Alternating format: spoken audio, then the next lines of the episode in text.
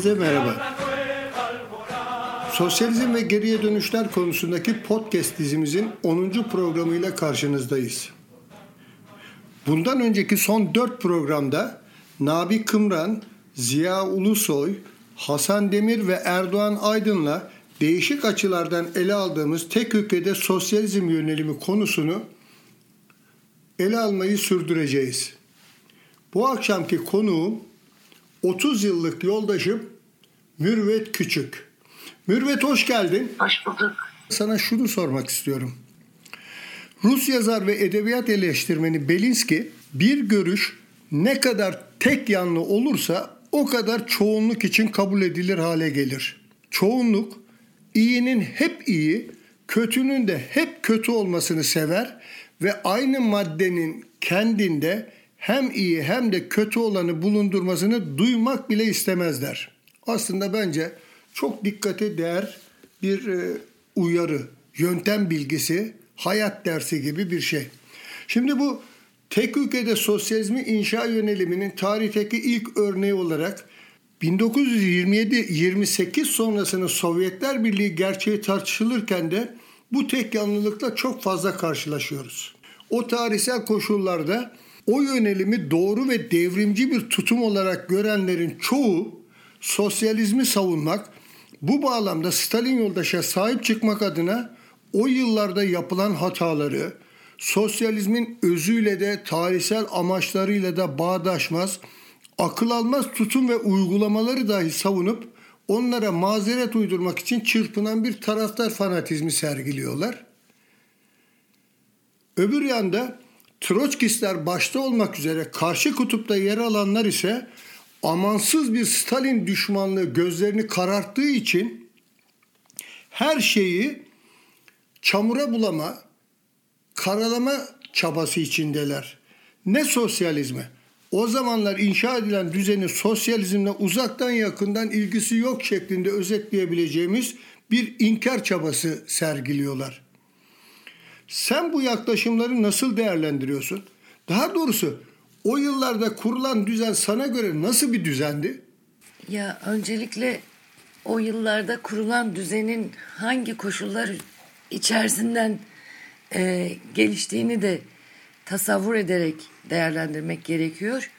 Evet. E, yani çok ciddi bir ekonomik yıkım, bir dünya savaşı, onun üzerine bir iç savaş, emperyalist güçlerin e, devrimi abluka altına al, alması, işgallerle abluka altına alması, ekonomik olarak boğmaya çalışması yani birçok yönüyle müthiş dezavantajların söz konusu olduğu koşullarda inşa edilmeye çalışılan işte beklenen hı hı. dünya devriminin Avrupa'dan beklenen devrimlerin de e, gelmediği o anlamıyla hani teorik olarak e, belli bir perspektif olmasına rağmen pratikte de belirli bir deneyim e, zenginliğinin üzerinden işte önünü yönünü çizebilecek olanaklardan da yoksun Aha. bir devrim söz konusu. Önümüzde böyle bir devrim var.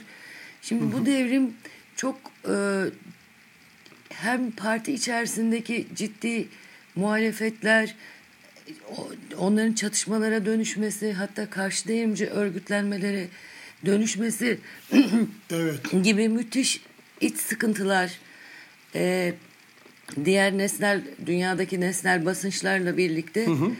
E, bu iç, iç sıkıntılar ve o basınçların da etkisi ve deneyimsizliklerden kaynaklı belirli hatalar yapmış olmasını son derece anlaşılır bulmak gerekir. Bir kere bunun altını çizerek başlamak istiyorum. Ama buna rağmen hı hı. müthiş bir irade e, söz konusu. Yani evet beklenen dünya devrimi denilen yani anlaş tırnak içinde söylüyorum. Başka e, bunu eleştiri olarak getirenlerin anladığı anlamda bir dünya devrimine dönüşmüyor belki ama yani dünya işçi ve emekçilerinin e, gözünü diktikleri, dünya işçi ve emekçilerine moral olan hızla bir çekim merkezine dönüşen bu anlamıyla da aslında dünya devriminin dinamiği haline gelen, kendisinde evet. böyle bir dinamiğe dönüşen bir gerçeklik yaratıyor hızla. Yani ne yapıyor? İşte hani bütün o handikaplı süreçleri geçerek söylüyorum bunu. İşte NEP süreci, savaş komünizmi süreci, hı hı, hı, iç, hı. iç çatışmalar vesaireyi söylüyorum. Sonra işte mesela dört yılda, dört yıl gibi kısa bir sürede işsizlik diye bir sorun kalmıyor bu ülkede. Evet. Kon, konut sorunu büyük oranda çözülüyor.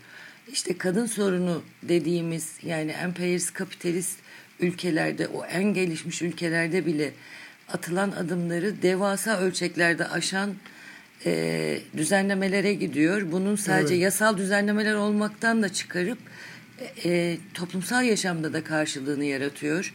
İşte kültürden sanata kadar halkın e, yani ruhsal zenginliğini de geliştirecek, teşvik edecek olağanüstü bir gelişim ve performans gösteriyor.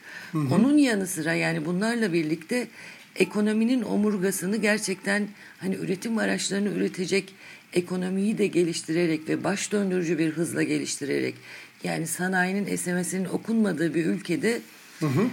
yani e, yani 10 yıllık 19 yıllık yani böyle kısa tarihsel anlamda kısa diyebileceğimiz süreç süreler içerisinde devasa atılımlar yapıyor. Yani e, büyük kapitalist merkezleri aşan atılımlar bunlar. Lafını Hı-hı. unutma. Tabii. Ay, o dönemde o, bu atılımları bizim sosyalist ülkemizin bu atılımları yaptığı o dönemde dünya kapitalist sistemi 1929 bunalımı denilen tarihinin en büyük bunalımlarından birini yaşıyor. Bugünkü krizine e, benzer herkesin onunla kıyasladığı bir bunalımı yaşarken biz bu atılımları yapıyoruz. Yani bu e, bu baş döndürücü gelişme emperyalist sistemi zorluyor. Yani hı hı. gerçekten Sovyetler Birliği'ni o sosyalist adımlar temelinde e, ki gelişimi emperyalist sistemi de zorluyor zaten. Oraya daha sonra da döneceğim. Mesela hani atladığım için geri dönmüş olacağım. Mesela bir köylülük ülkesi olan e, Sovyetler Birliği'nde yaklaşık 16 milyon e, dağınık bir köylülük var. Yani bunları e, kolhoz tipi yani grup mülkiyeti belki ama o tip evet. örgütlenmeler içerisinde toplaması ya da işte evet. sovhoz gibi devlet e, işletmeleri, devlet e, mülkiyetindeki e, örgütlenmelerle buraları beslemesi gene olağanüstü bir şey. Yani hızla köylülüğü o köyle kır arasındaki çelişkiyi çözmek anlamında olağanüstü şeyler bunlar. İşte dediğim gibi bunlar bu gelişmeler klasik anlamda söylenen dünya devrimine tekabül etmiyor belki ama yani bu gelişmelerin kendisi dünya halklarında olağanüstü bir sempati ve e, şey yaratarak, ilgi yaratarak zaten fiilen aslında böyle bir işlev görmüş oluyor. Ve emperyalist kampı bu başından beri rahatsız ediyor. Rahatsız etmenin yanı sıra daha sonraki yıllarda işte hı hı. sosyalizmin işçi ve emekçilerde yarattığı sempatiyi boğmak için e, yani onları kapitalizme özümsemek için onun attığı adımlarla rekabet edercesine çeşitli işte şeylere gidiyorlar. Sosyal devlet dediğimiz modellere özellikle 2. Dünya Savaşı'ndan sonra. Hı hı. E, ya da bu öyle bir rahatsızlık yaratıyor ki işte İkinci Dünya Savaşı sadece işte emperyalist güçler arasındaki e, çatışma ve yayılma eğilimleri, dünyayı yeniden paylaşma üzerinden şekillenmiyor. Bu yönü de var ama asıl olarak hepsinin ortaklaştığı Sovyetler Birliği'ni boğma noktasında bir ortaklığı getiriyor. Münih yani, Anlaşması, ha, 1938 yani, Münih Anlaşması. Yani yani e, ya da işte mesela Hitler, e, İtalya ve Japonya'nın ortaklığının adına antikomintern pakt diyorlar. Evet. Hani böyle evet. hani böyle belirgin bir e, şey yaratıyor. Emperyalist kapitalist sistem açısından halklarda yarattığı sempati, o devasa adımların yarattığı sempati üzerinden böyle bir rahatsızlık yaratıyor. Böyle bir hedef haline geliyor. Yani bu anlamıyla sosyalizm, sosyalist ekonomi, kültür, siyaset, politika ve onun toplumsal hayattaki e, karşılıklarının yaratılması anlamında kitlelerin enerjisini seferber edilmesi anlamında e, yani adına sosyalizm diyebileceğimiz devasa adımlar bunlar ama evet. aynı zamanda işte Belinsky'nin de belirttiği gibi tabii ki yani hem e, bir ilk deneyim olması hem birçok dezavantajlar içerisinde şekilleniyor olmasının yarattığı kimi lekeler de var. Yani Evet. sonuçta bu sistem mesela kapitalizm gibi feodalizmin bağrından şekillenen bir sistem değil. Tersine işte kapitalizmi yıkıp onun üzerine yeni yani kendi öz temeller üzerine değil Evet. e, yepyeni bir başlangıç yapıyor. Yani üretim araçlarının el konuluyor belki büyük mülkiyet, mülkiyetin çeşitli biçimleri ortadan kaldırılıyor ya da işte o işte toplumsal hayata iktidarın ele geçirilmesinin olanaklarıyla değilmiş oluyor. E, bir, bir sürü avantaj söz konusu oluyor ama aynı zamanda o toplumun yani üzerinden yıkıp üzerine kendisini şekillendirmeye çalıştığı e, geçmiş toplumun bir sürü lekesini de taşıyor.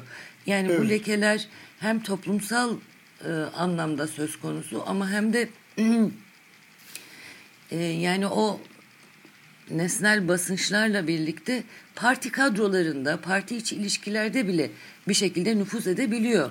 Kuşkusuz. Hani, ha, yani hani bu bunlarla birlikte düşündüğümüzde o, o leke olarak tanımlayabileceğimiz en azından e, e, yani o revizyonizme tam bir geçişin olduğu sürece kadar olan dönem açısından bunu söylüyorum. Ondan sonra bambaşka bir dönem başlıyor zaten. Hani o döneme kadar olan şeyleri bu bağlantıyla birlikte de düşünmek gerekiyor. Bu noktada e, yani bu noktada şuraya gelmek istiyorum. Aha. Şimdi ne yapılabilirdi? Yani daha ileri, daha e, bu büyük adımların daha işte ileri bir e, düzeye sıçratılması için ne yapılabilirdi? Aslında bakıyoruz mesela Stalin yoldaşın e, bu noktada çok ciddi çabaları ve uyarıları var. Hatta bastırdığı yani işte özellikle sosyalist demokrasinin geliştirilmesinden Evet. tutalım. İşte o e, gördüğü, tespit ettiği bürokratik eğilimler, onlara karşı mücadele e, konusunda ısrar ettiği ama gene işte Dünya Savaşı, Japonya, Almanya'nın işgal tehlikeleri, te- savaş tehditleri, işte Evet. o karmaşa içerisinde ortadan kaybolan şeyler var, çabalar var. Mesela işte 36 Anayasası konusunda Stalin yoldaşın yapmak istediği şeyler var. Ee, yani Ama yaptırmıyorlar. ama Evet. yaptırmıyorlar evet Evet, pa- yaptırmıyorlar. parti aparatçikisi yaptırtmıyor. Evet. Aynen aynen.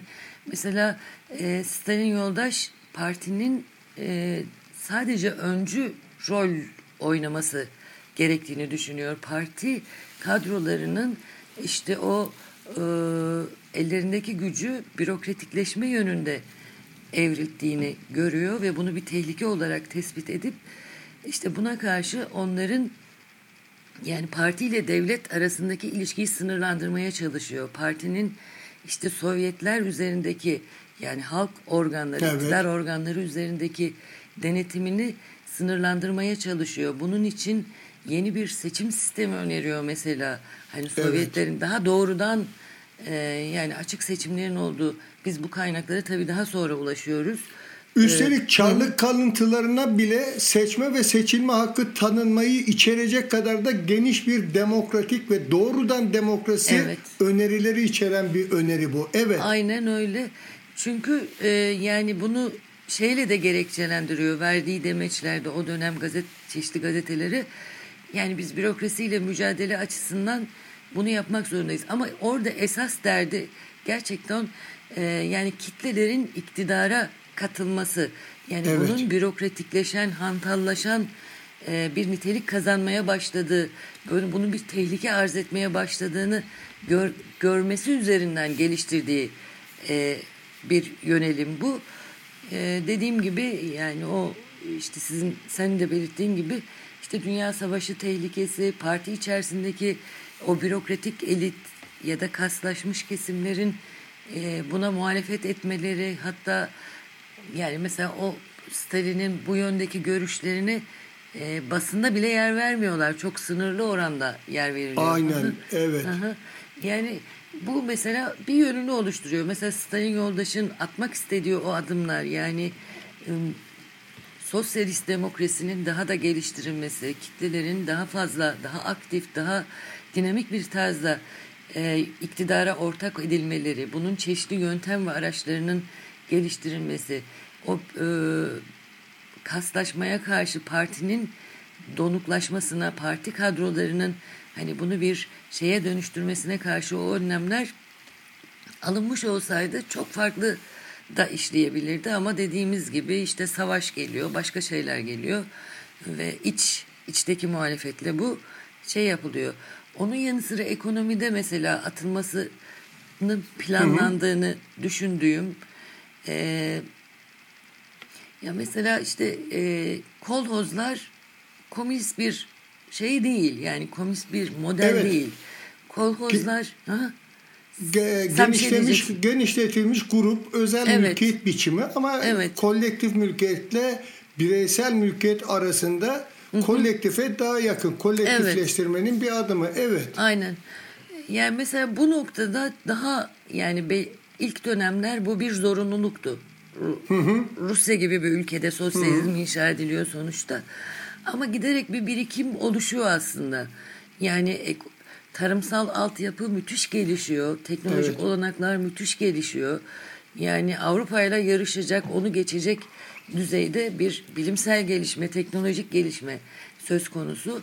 Yani bu bu altyapının bu gelişimini de e, hesaba katarak kolhozlara dayadı şeyi hızla çok daha geniş ölçekte, ulusal ölçekte hı hı. E, ortak mülkiyete dönüştürme adımlarının atılmasına dönük bir çaba olabilirdi.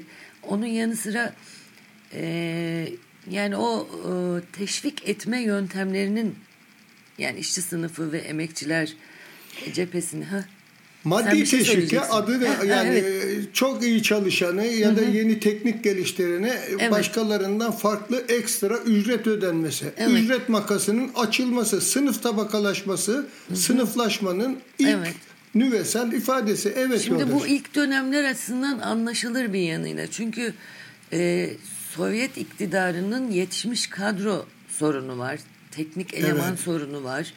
Yani Sovyet işçi sınıfı yani Rusya proletaryasının devamı olan Sovyet işçi sınıfı gerçekten bu şeyden e, bu yönleriyle ciddi zayıflıklar taşıyor ama sonra hızla bu aşılıyor. Yani ilk beş evet. yıllık planda bile devasa adımlar atılıyor. E, işte ikinci beş yıllık planda bu olağanüstü bir şeye dönüşüyor ve belli yani o eğitimin gelişmesi, kültürün gelişmesi, e, ideolojik gelişme ve derinleşmeyle de birlikte ciddi bir e, yani niteliksel sıçrama da yaşanıyor aslında. Hani evet. ilk dönemler o zorunluluk nedeniyle e, başvurulabilecek bir şeyken bu daha sonrasında mesela hızla bunun e, yani altyapının da oluştuğunu dikkate alarak hızla bunun üstüne çıkmak gerekiyordu diye düşünüyorum. Bu noktada yoldaş çeşitli lafını, zayıflıklar var. Yoldaş evet. lafını unutma. Hı hı. Bence zaten bak orada üstünde durup ders çıkartmamız hı hı. gereken bir çelişki var. Yani evet. taraftar fanatizmini bir kenara bırakarak. Evet. Şimdi senin işaret ettiğin gibi zaten cılız bir işçi sınıfı var. Hı hı. Diye nitelik yönüyle de geri bir işçi sınıfı. Hı hı. Ve toplum ağırlıklı olarak da köylü toplumu, tarım evet. toplumu. Evet. Şimdi sosyalizmin özüne uygun bir tarzda hı hı. bilinçli gönüllülük temelinde bir çalışma bu ilkelliğin en etkin olduğu Devrimin ilk yıllarında 20'li evet. yıllarda geçerli komünist cumartesiler, aynen, aynen. gönüllü çalışma seferberlikleri, Hı-hı. insanlar kitlesel olarak parti kadroları dahi katılıyorlar. Asıl çelişki ve bizim çö- e, bu neden böyle oldu sorusunu sormamız gereken noktalardan biri bence şu. Gerek toplumun genel eğitim düzeyi yükseliyor, kültür düzeyi yükseliyor. Tanınan imkanlar 1917 e, sonrası uygulanan teşvik politikaları sonucu işçi ve köylü çocukları kitleler halinde yüksek eğitim görüyorlar. Evet. Vasıflı eleman yetiştirmede hı hı. kadınlar da işin içine giriyor, üretime giriyorlar. Bir patlama adeta yaşanıyor. Yani bu anlamda gerek e, altyapı anlamında ilk 20'li yılların o ilk ilk dönemlerin ilkelliği aşılmış durumda. Gerek teknik eleman ve kadrolaşma bakımından o kat kat aşılmış durumda. Tam da böyle bir dönemde maddi teşvik sisteminin devreye sokulmuş olması bence çok ciddi bir zaaf, çok ciddi bir geriye doğru adım. Zaten sonuçları da sırf o alanda değil ya da sırf buna dayalı olarak değil ama genel olarak toplumda parti kadroları başta olmak üzere ayrıcalık peşinde koşma, eşitlik fikrinin gölgelenmesi tam da kapitalizme özgü bireysel çıkar dürtüsünün ön plana geçmesi gibi bir yamulmayı kendi elimizde davet etmiş oluyoruz. Devam et yoldaş ben e, lafını kestim senin. Buyur. Dediğim gibi yani bunları hani senin de anlattığın e, anlattıklarına toplam olarak yani bunlar bir dönem için anlaşılır ama bir dönem sonra bunların bilinçli bir politikayla e, yani ortaya çıkan yeni bir toplumsal doku var çünkü. Evet. Yeni bir birikim var, yeni bir e, kaynak oluşmuş. Hani bu, hı hı. bu noktada o o cesaretli adımları atmak gerekiyordu diye düşünüyorum. Ama bu noktada da yine işte savaş, işte iç çatışmalar, parti içi muhalefet, bunun karşıdayımcı örgütlenmelere dönüşmesi. Yani e, büyük adımlar atılıyor. Tam böyle bir şey olgunlaşıyor. Yeni başka bir dezavantaj ve basınç ortaya çıkıyor. E, fakat e, fakat evet. Mürvet yoldaş. Hı.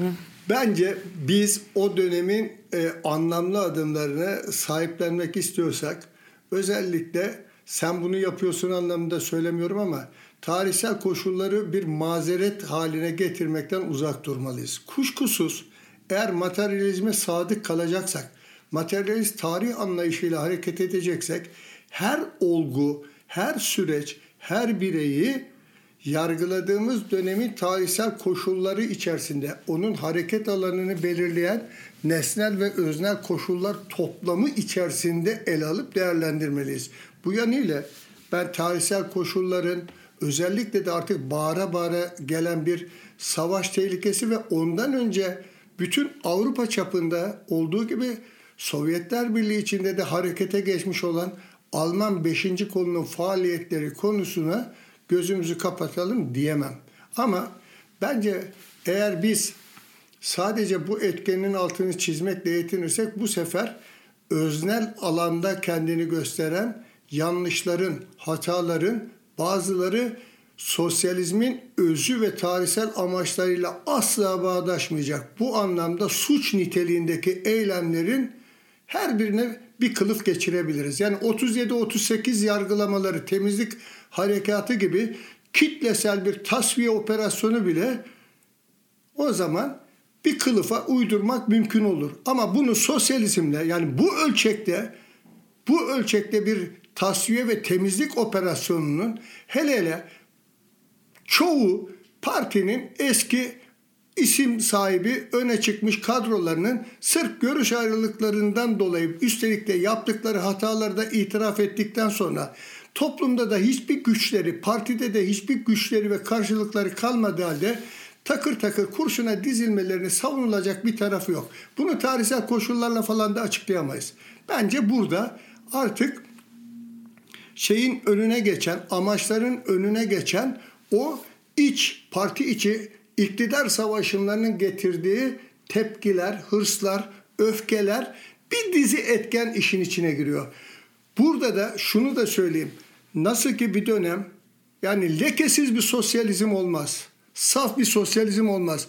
Aynı şekilde bireyler özelinde de saf, lekesiz, her yanıyla doğruların temsilcisi bir Stalin yok. Böyle bir Stalin savunusu olmaz. Bu Stalin'i savunmak da değil. Lenin'de de yok bu. Marx ve Engels'te de yok. Niye biz Stalin'i putlaştıralım? Stalin yoldaşı putlaştıralım. O tef- e, şeylerde temizlik operasyonlarında senin dediğin gibi bir yanıyla 36'da toplumsal sistemi demokratikleştirmeye çalışıyor bu adam. 36 e, anayasa hazırlıkları sırasında Molotov ve Malenkov'la birlikte gündemleştirdiği demokrasinin genişletilmesi önerileri resmen partinin diğer bürokrat kadroları tarafından en üstten en alta kadar hasır altı ediliyor. Örümcek ağının iç labirentlerinde boğuntuya getiriliyor. Bu konuda açığa çıkmış 2007 sonrası tarihçi Yuri Yukov'un belgelere dayalı olarak ortaya koyduğu bir şey var.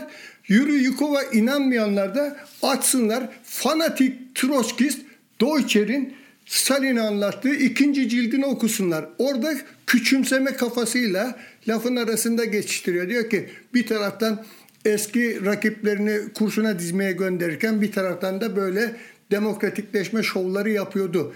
Demek zorunda kalıyor. Karalamaya, değersizleştirmeye çalışıyor ama Deutscher bile bunun bir vakıa olduğunu kabul etmek zorunda kalıyor. Şimdi bunu sözü çok uzatmadan şöyle toparlamak istiyorum. Ne saf kapitalizmden çıkmış onun doğum lekelerini taşıyan bir sosyalizm var. O sosyalizmden sen Trotsky başta olmak üzere Zinovyev'i, Kamenev'i Stalin'in tek ülkede sosyalizmi kurabiliriz tezine, devrimci tezine karşı çıkanların alayı biz bu işi yapamayız görüşündeler. Bir, onlar bu kadar e, şey umutsuz, kaderci, üretici güçlere e, gelişimine kendilerini teslim etmiş bir iradesizliğin temsilcilerine rağmen bir şeyler yapılıyor. Bu sefer aynı Trotskistler çıkıyorlar. 1928'de yürürlüğe konulup 4 yılda tamamlanmış plan hedef 5 yıllık plan ve arkasından gelen atılımlara dudak büküyorlar. Bunun neresi sosyalizm? Şurasında şu kusur var, burasında bir kusur var. Üstelik sadece ekonomik atılımlarla da sınırlı bir atılım değil bu. Sen demin işaret ettin. Hayatın her alanında kendini gösteren bir atılım. Bizim gençliğimizde Çetin Altan'ın kapitalizme özenini, feodalizm karşıtlığını temellendirirken kullandığı bir şey vardı. Türkiye'de köylerde keman çalanlar çıktığı zaman Türkiye aslında uygarlaşmış olur diyordu. Ya o eski Çarlığın ilkel köylüleri tiyatrolara giden, gazetelere abone olan, sanat ve kültür olaylarını izleyen köylüler haline geliyorlar o sosyalizm döneminde. Hayatı kadınlar konusunda, çocuklar konusunda, gençlerin eğitimi konusunda olağanüstü atılımlar var. Batı toplumu çürürken bizimkiler işte e, Haçaturyanlar, Shostakovichler hala ölümsüz eserler veriyorlar o dönemde. Sanatta, romanda, şiirde. Dolayısıyla leke aradığın zaman bol bol bulabilirsin. Ama lekelere gözlerini kapatmaya kalktığın zaman da yanlışlara gözlerini kapatmaya kalktığın zaman da tabii onu da e, içine sokmaya çalışan kılıf dikebilirsin. Özellikle bu tarihsel koşullar kılıfını. Ama bence biz özellikle de o tecrübeden, o geçmişte artık şöyle ya da böyle iyisiyle kötüsüyle yaşanmış bizim bu tarihimizden 21. yüzyılda biz bu işleri nasıl yapacağız sorusunu sorarak hareket edecek olursak daha devrimci, eleştirel bir perspektifle hareket etmeliyiz görüşündeyim. Bu bağlamda senin o dönemin değerlendirmesi kapsamında e, eklemek istediğin bir şey kaldı mı? Ya genel olarak e, aşağı yukarı düş, özetledim e, söylemek istediklerimi. Hı hı. Yalnız şunu sö- söyleyerek bağlamak istiyorum. Yani hiçbir şey evet saf değil. E, ve biz devrimciler diyalektik e, tersel materyalist yöntemi e, rehber edinmiş hayata gelişmelere bu yöntemle bakanlar açısından bu bu böyledir. Yani bu böyle baktığımızda bir süreci, bir gelişmeyi hem iç zayıflıkları ama hem bu iç zayıflıklara rağmen kat ettiği yollar ve o kat ettiği yollarla iç zayıflıklarını da aslında aşmanın altyapısını oluşturması itibariyle ele alırız ve SSCB'de e, yani o çok çamur atılan Stalin yoldaş döneminde bu, bu noktada vasatın adımlarla birlikte evet yani bu bu insanların önünde bir deneyim yoktu. Yani Paris Komünü dışında bir deneyim yok yani insanların önünde sosyalizm adına. işte o deneyim olmamasından kaynaklı çok gelişkin bir teorik perspektif de e, yoktu. Sosyalizmin sorunları yaşayarak yani deneme yanılma yoluyla birçoğunu aşmaya çalışıyorlar. Ve bu anlamıyla muazzam yani bütün bu dezavantajlara rağmen attıkları o muazzam adımlar çok saygı saygıya değer çok bugün de manevi anlamda bize güç veren adımlar. Ve bu aynı zamanda yani İkinci Dünya Savaşı'nda milyonların ölüme gözlerini kapatarak gitmeleri bile o sistemde yaratılan yani kitlelerin o sistemi Aynen. sahiplenmesinin nasıl bir güce ulaştığını da gösteriyor. Bunu söylerken tabii ki demin ifade etmeye çalıştım. E, o yani sosyalizm adına atılacak yani komünizmin alt evresi olarak gördüğümüz esaslar üzerinden yani bu yani sosyalizme daha daha ileri adımlar atılması, dünya devriminin daha ileri adımlarla yakınlaştırılması, e, devrimin de oralardan daha güçlü beslenmesi anlamında daha cesurca adımlar atılmalıydı diyorum. Bunun atılmamasının da bir sürü nedeni var elbette. Ya şimdi zaten bizim avantajımız bu yoldaş. Bak o insanların önünde sen de söylüyorsun 72 gün sürmüş bir komün deneyiminin dışında hiçbir deneyim yok. Üstelik de sıfır noktasından da değil eksilerden başlıyorlar yürüyüşe. Ondan sonra o dönemin tarihsel koşullarında başka bir dizi nesnel ve öznel e, paçalarından onları geriye doğru çeken etkenlerle boğuşarak yollarını açmak zorunda kalıyorlar. Ve elbette o yürüyüş sırasında çok ciddi e, başarılar insanlığın önüne vicdanı olan kimsenin, insafı olan kimsenin reddedemeyeceği geniş ufuklar açıyorlar. Ama aynı zamanda bak 100 yıl geçmiş hala bizim açıklamak ve millete anlatmak e, ihtiyacı duyduğumuz bir sürü de ciddi hata, yanlış, yanlış ötesi işler yapılıyor o dönemde. Tamam. Şimdi ama bizim şöyle bir avantajımız var yoldaşçım. Biz o deneyimin üstelik o filmin sonraki evrelerde de nasıl ceryan ettiğini ve sonunu görmüş olmanın avantajına sahibiz. Zaten benim asıl şimdi sana sormak istediğim, konuyu getirmek istediğim noktada bu. Şimdi bu geçmişi bu şekilde yaşadık. Tamam. Bunu dönüp ciddi ve cesur bir şekilde muhasebesini yapmalıyız. Devrimci bir e, muhasebesini yapmamız gerekiyor. Tamam, çok doğru. Ama sorun şu. Değil artık. Şu eksene sıkışmış bir sorun olmaktan çıkarmalıyız. Kim haklıydı?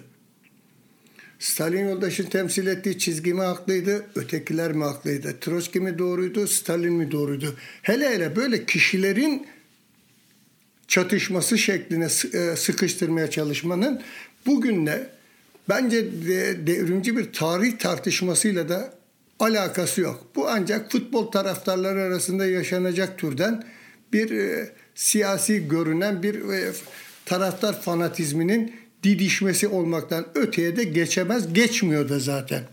Ama şimdi biz eğer bu tartışmadan, bu tarihsel tecrübemizden hangi dersleri çıkarmalıyız ve onları günümüze nasıl taşımalıyız dediğimiz zaman işte burada asıl biz onu doğru okumuş oluruz. Şimdi düşünsene biz Çarlık Rusyası'ndan miras kalmış çok geri sanayisi olmayan, doğru düz işçi sınıfı olmayan bir ülkedeki tarihsel tecrübeden tecrübeyi konuşuyoruz. Gelmişiz 21. yüzyıla. Ya ne dünyanın ezici çoğunluğunda kapitalizm artık tek tek ülkeler bazında bile o yıllarda Avrupa ile sınırlı bir kapitalizm olmaktan çoktan çıkmış, gelişmiş. Dünün köylü toplumları bile bugün artık proleterleşmiş toplumlar olarak karşımıza çıkıyor. Bilim ve teknoloji olağanüstü atılımlar yapmış. Bırak o yılları 100 yıl öncesini bundan 20-30 yıl öncesinin bile e, ilerisine geçmiş bir e, düzeyle karşı karşıyayız. Bu anlamda insanlığın toplam üretici güçlerinin, toplumsal üretici güçlerinin gelişme düzeyi aynı değil. Ne proletarya eski proletarya ne köylülük eski köylülük. Şimdi biz eğer burjuvazi kadar tarihten bir şeyler öğrendiysek Bunları da göz önünde bulundurarak bu tartışmayı yürütmek zorundayız. Yani bir gelecek perspektifine doğru bağlamak zorundayız. Şimdi bu anlamda sana şunu sormak istiyorum. Bu tartışmanın gelecek perspektifiyle yürütülmesi dediğimiz zaman senin kafanda nasıl bir duygu, düşünce oluşuyor? Sen buna nasıl yanıt veriyorsun? Verirsin. Ya e, aslında demin söylediğim şeyler biraz bunun da yanıt anlamına geliyor. Hı hı. Yani e, hani sosyalizm sadece kitlelerin iş sorununu, aş sorununu, e, işte eğitim sorununu, sağlık sorununu karşılamak değil. Evet. Bunu bunu çok güçlü bir şekilde zaten yapmalıyız. E, bunun için çok güçlü bir ekonomik altyapı yaratmalıyız. Ve hı hı. bunun için kitlelerin e, yaratıcı gücünü, iradesini harekete geçirerek e, bütün bu ek, ekonomik kategoriye giren, toplumsal ihtiyaçlar kategorisine giren şeyleri yapmalıyız. E, so, Sovyetler Birliği'nde e, bu anlamıyla müthiş bir enerji ortaya çıkarılıyor. Bu e, hala bugün de esin kaynağı olabilecek bir enerji. Bizim nasıl bir devrim tahayyülümüz olması noktasına gelince ben mesela en başa şeyi yazıyorum. Devrim öncesinde çok daha güçlü bir partinin yaratılması. Kitlelerle e, hı hı. yani daha e, kitlelerin bütününü örgütleyemez hiçbir parti. Böyle bir iddia nesnel değil bir kere. Ama onların öncü kesimleriyle, onların belirli e, kesimleriyle toplumsal bir güç haline gelmek, politik bir güç haline gelmek, onlar içerisinde ideolojik bir dönüşümü aslında devrim öncesinde e, şey yaratmış olmak, partilerin işte kadroların o eğitim sürecinden daha aktif yani Sovyet kadroları öyle değil miydi? Öyleydi belki. Öyleydi. Yani hepsi çok saygıdeğer tarihlere sahip insanlar. Yani kadroların e, o kitlelerle daha geniş ölçekte buluşmuş bir parti e, kültürü içerisinden şekillenip gelmeleri. Mesela bu e, en başa yazdığım şeylerden biri ders olarak. Anlıyorum. Anlıyorum. Ama bak orada da şöyle bir tehlike. Ben seni anlıyorum. Senin kastettiğin daha doğrusu şu. Parti, toplum, işçi sınıfı başta olmak üzere toplumun değişik kesimleriyle öyle bir ilişki kurmalı evet, ki. Evet, evet, Sadece komünizm idealini, komünizm ütopyasını onun bilimsel sosyalizm öğretisi ışığında bilinçli derinlemesine kavranışını sadece e, yönetici kadrolarla sınırlı olmaktan çıkarıp partinin bütün kadrolarına yedirilmeli, onlar tarafından Hı-hı. özümlenmeli. Hı-hı. Orada da kalmayıp toplumun derinliklerine doğru komünizm ideali, Hı-hı. komünist insan e, ve komünist toplum nasıl olmalı fikrine devrimci yanıtlarını verecek bir e, düşünsel, zihinsel hazırlık ve dönüşüm ilişkisi hı hı. kastettiğini ben böyle yorumluyorum. Öbürü çünkü işte Türkiye'de bir zamanlar e, o zamanlar 67 vilayet vardı. 67 vilayetin 67'sinde de örgütlü örgütler gördük. Ama o hareket e, halk hareketi çekildikten sonra onlardan geriye ne kaldı? Evet evet. Yok yani, ter, tersi ha. de yanlış bir şey olur zaten. Yani böyle bir parti yok diye önüne çıkan olanakları devrim çünkü savaşlar aynı zamanda devrimler içinde müthiş olanaklar ortaya çıkıyor, Kuşkusuz. zemin ortaya çıkarıyor ve komünistlerin böyle bir yönelimi zaten olmak zorunda. Hani yok diye böyle bir parti sırtımızı mı döneceğiz? Bence aslında bence aslında parti olarak da bizlerin avantajı sanki artıyor gibi yoldaş. Hı hı. Al mesela yani bir örnek olması için söylüyorum. Hı hı. Şimdi eski kafamızda baksak komünist dediğin zaman her şeye bir cevabı olan, her şeyi kafada çözümlemiş, artık ermiş böyle dünyanın sırrına vakıf olmuş tipler gelirdi. Her konuda da ahkam keserdik. Bildiğimize de konuşurduk, bilmediğimize de konuşurduk. Öyle değil mi? Evet. Şimdi hayat bizim burnumuzu sürttü. Sadece kendi yaşadıklarımız değil, dünyada yaşananlarda. Bana göre şimdi ben parti kadroları devrime ve geleceğin sosyalizmine hazırlanmak dendiği zaman örneğin kapitalizm bize öyle bir insan malzemesi, öyle bir sadece ekonomik altyapı, teknolojik altyapı anlamında değil, insan malzemesi anlamında da öyle bir şey hazırlıyor ki. Evet, ya şimdi evet. ben çevre sorunlarında parti kadroları içerisinde doğru düz uzman ya da yeterli bilgisi olmayan uzmanlar olmayabilir. Ama çevre konusunda duyarlı olan çevreler içerisinde, çevreciler içerisinde bu konuyu hatmetmiş ve bizlerle bu konuda Evet, çok gelişkin işbirliği yapabileceğimiz birikmiş bir bilgi hazinesi var. Aynı şey kadın dinamiği için geçerli.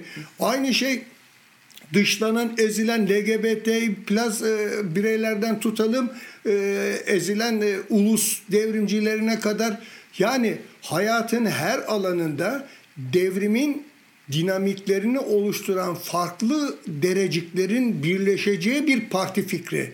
Aslında o bir tek başına dar anlamda klasik anlamda bir parti olmaktan da çıkıyor.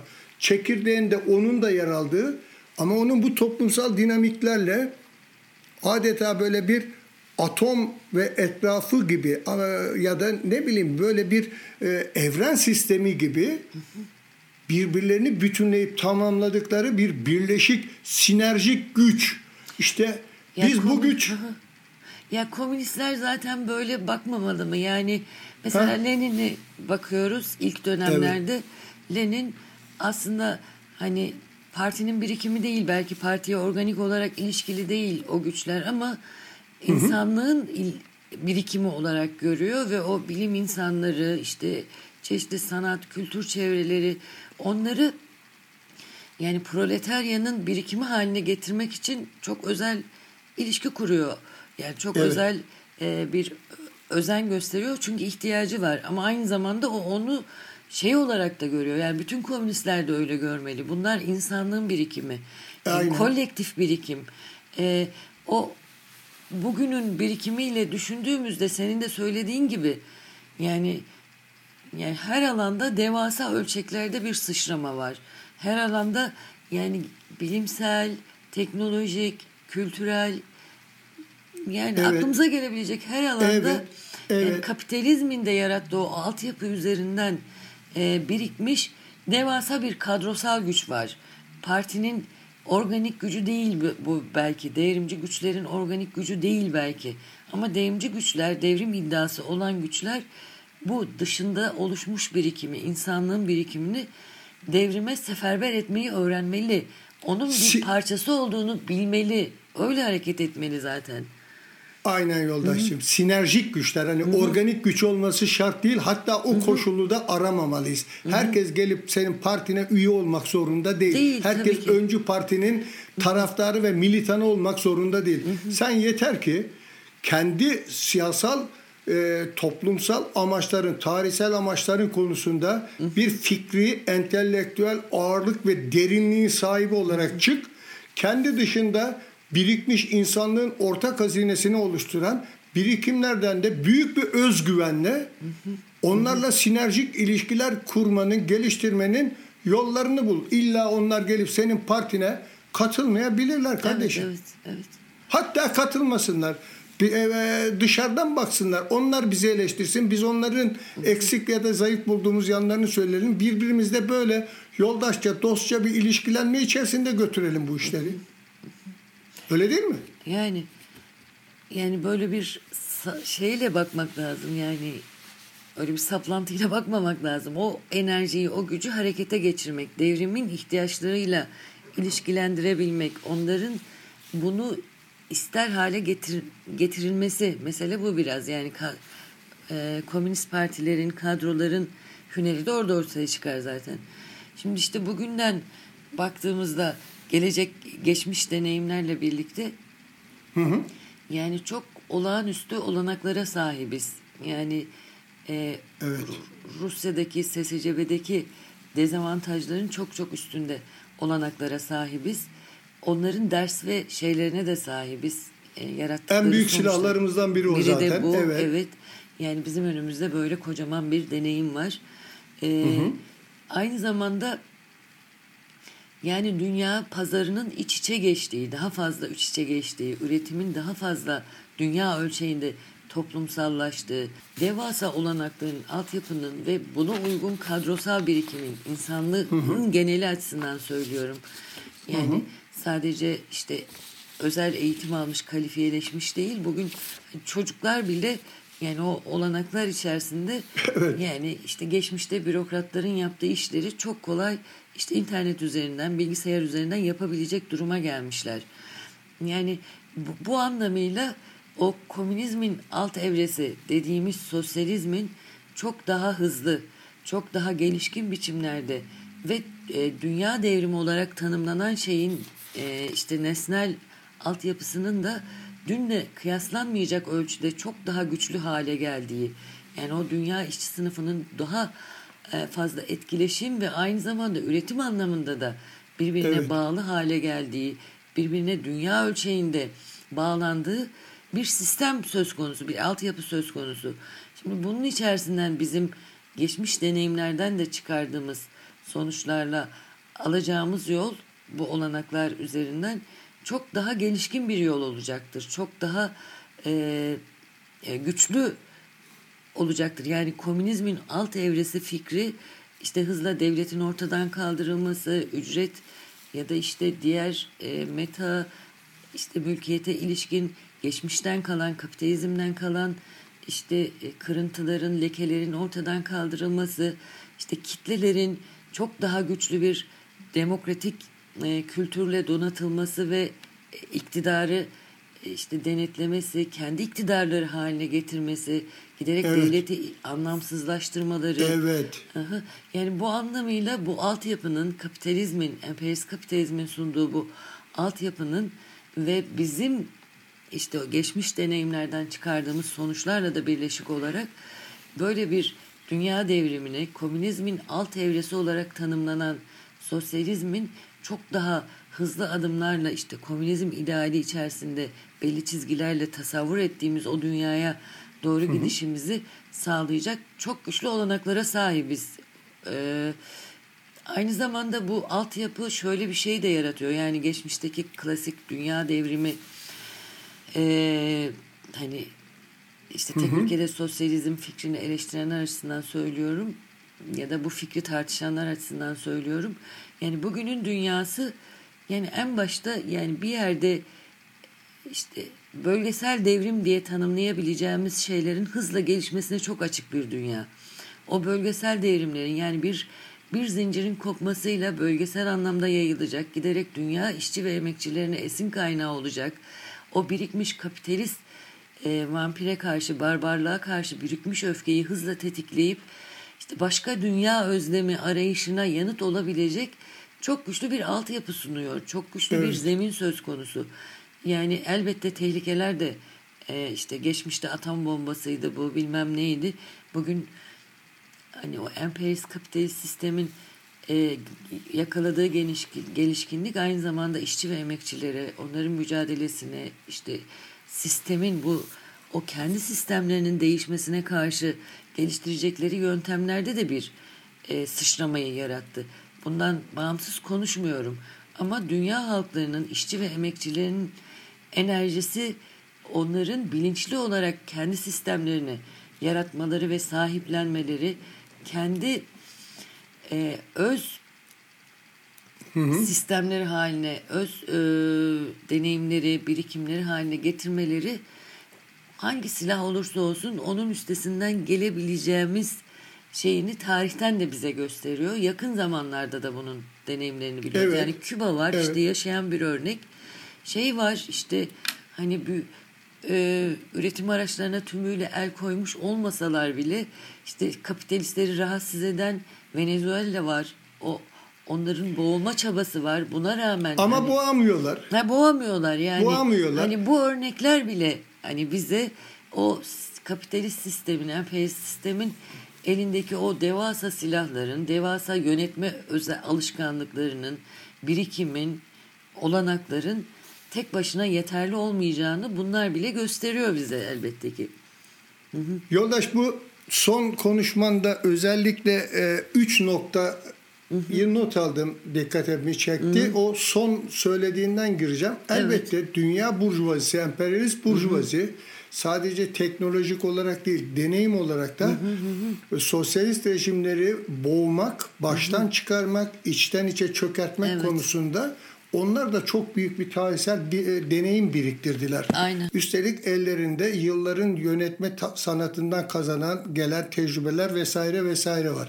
Dediğin gibi çok gelişmiş, akıl almaz, uzayı bile kullanır hale geldikleri istihbarat ve e, askeri operasyon yetenekleri var. Ama bu mutlak bir güç değil. Mesela özellikle tek ülkede sosyalizm düşüncesine günümüzde muhalif olan, karşı çıkan e, eğilimlerin önemli dayanaklarından biri bu güç dengesizliği. Evet bu dengesizlik geçmişte de vardı. O, o tarihsel koşullarda da büyük bir güç dengesizliği söz konusuydu ama insanlık bunların üstesinden gelebildi e, bir biçimde. Günümüzde de öyle. Şimdi senin demin verdiğin e, Venezuela örneği ki ne Chavez kadar popülaritesi kaldı adamın ne eskisi kadar halk içerisinde bile güçlü ama bir Maduro'yu bile o rejimi bile çürümüş bürokratlaşmış o rejimi bile yıkmayı başaramadılar. İşte bir İran örneği var. Evet öbür taraftan bir Libya örneği de var. Irak örneği de var. Şimdi hala süren bir Suriye örneği de var ama kadiri mutlak bir güç değil emperyalizm. Biz bir kere o zaten biz bunu böyle görmeye başladığımız zaman havlu atalım daha iyi. Bu bir. İkincisi senin işaret ettiğin önemli bir nokta daha var.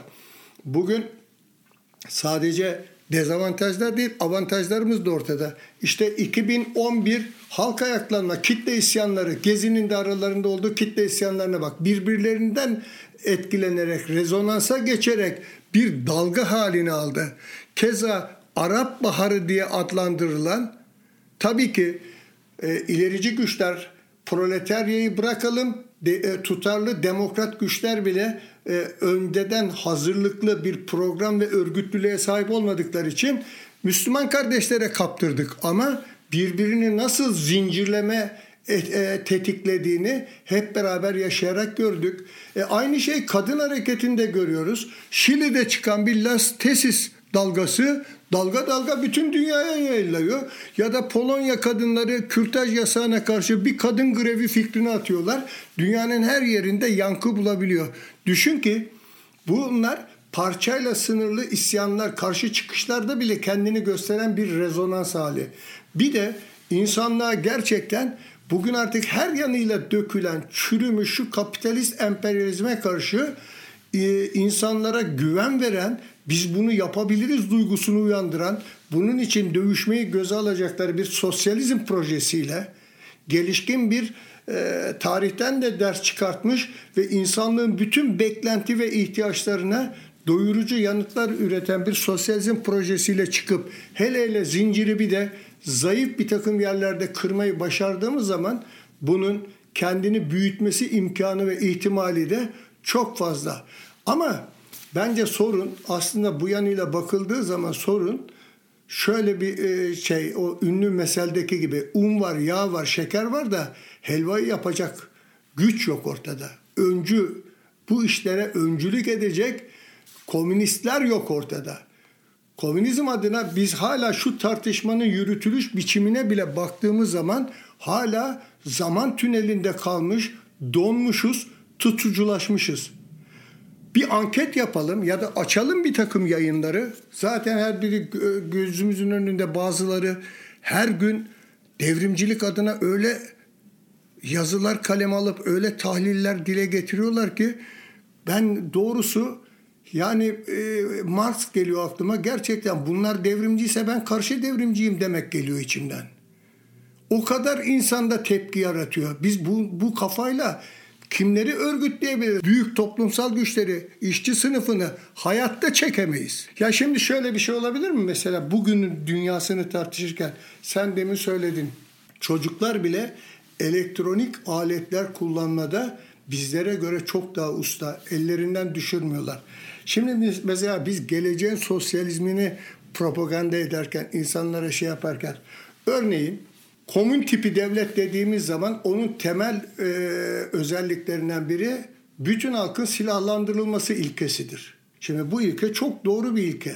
Evet, silahlanma tekeli, silahlanma yetkisi gibi başkalarının üzerinde iktidar kurma imkanını tanıyan bir e, olanağın, gücün, yetkinin sınırlı bazı kesimlere ve birimlere tanınmayıp sıradanlaştırılması, bütün halkın sahip olduğu bir olanak haline getirilmesi bakımından çok anlamlı ve hala geçerliliğini bu özüyle koruyan bir ilkedir. Ama şimdi ben mesela bir sosyalist toplum örgütlenmesi, bir sosyalizm modeli koyacaksak onun yerine bütün halkın bilgisayar kullanımına erişme hakkı ve bilgisayar kullanılabilir hale getirilmesi, bunun önünün açılmasını bütün halkın silah kullanmayı öğrenmesinden daha önemli buluyorum. Bu o kadar önemli ki biz keşke bu temelde bu teknolojiye hakim çok sayıda programcı, çok sayıda hacker, çok sayıda genç bir sürü yeteneğe önünü açsak da bugün savaşlar bile artık teknolojiye dayalı olarak yürütülüyor. İşte insansız hava araçları denilen şeylerle uzaktan yürütüyorlar savaşları. Ya da su Akdeniz'de giden gemilerinden çıkan füzeler geliyor Suriye'nin bilmem neresinde, Irak'ın bilmem neresindeki hedefleri vuruyor. Eğer sen bir askeri savunma sınırları içinde bile düşünecek olsan o teknolojiyle çalışan aletlerin yönünü şaşırtacak, onları başka boş hedeflere yönlendirecek programlar geliştirme yeteneklerine sahip olsan halkın tüfek kullanmasından çok daha etkili bir savunma sistemi kurmuş olursun. Kaldı ki bu karar süreçlerine insanların katılımı, o lanet olası bürokrasinin ve kırtasiyeciliğin bir an evvel ortadan kaldırılması, toplumun bütün kendi kaderini ilgilendiren kararlara doğrudan katılım imkanlarının genişlemesi neresinden bakarsan bak diyelim ki bilgisayar teknolojisine dayalı eğitim, bilgisayar kullanılır, bilgisayara erişim, bu hakların kullanılmasını bir an önce sağlanmasını herkesin silah kullanır hale gelmesinden daha önemli şahsen görürüm. Son olarak eklemek istediğin bir şey kaldı mı? yani geçmişimiz bize güç veriyor. Gelecekte de umutluyuz. Öyle diyeyim. Bu umut. olanaklar içerisinde umut, umut. Katılıyorum. Umutsuz zaten umutsuz e, ayakta kalamazsın ve umudu şununla birleştirmek. Evet 21. yüzyıla sosyalizmi yazacağız. Bu kadar. Yoldaş çok sağ ol. Çok sağ olasın. Güzel ve keyifli bir sohbet oldu. Önümüzdeki programlarda buluşmak üzere. Herkese hoşça kalın diyorum. Hoşça kalın.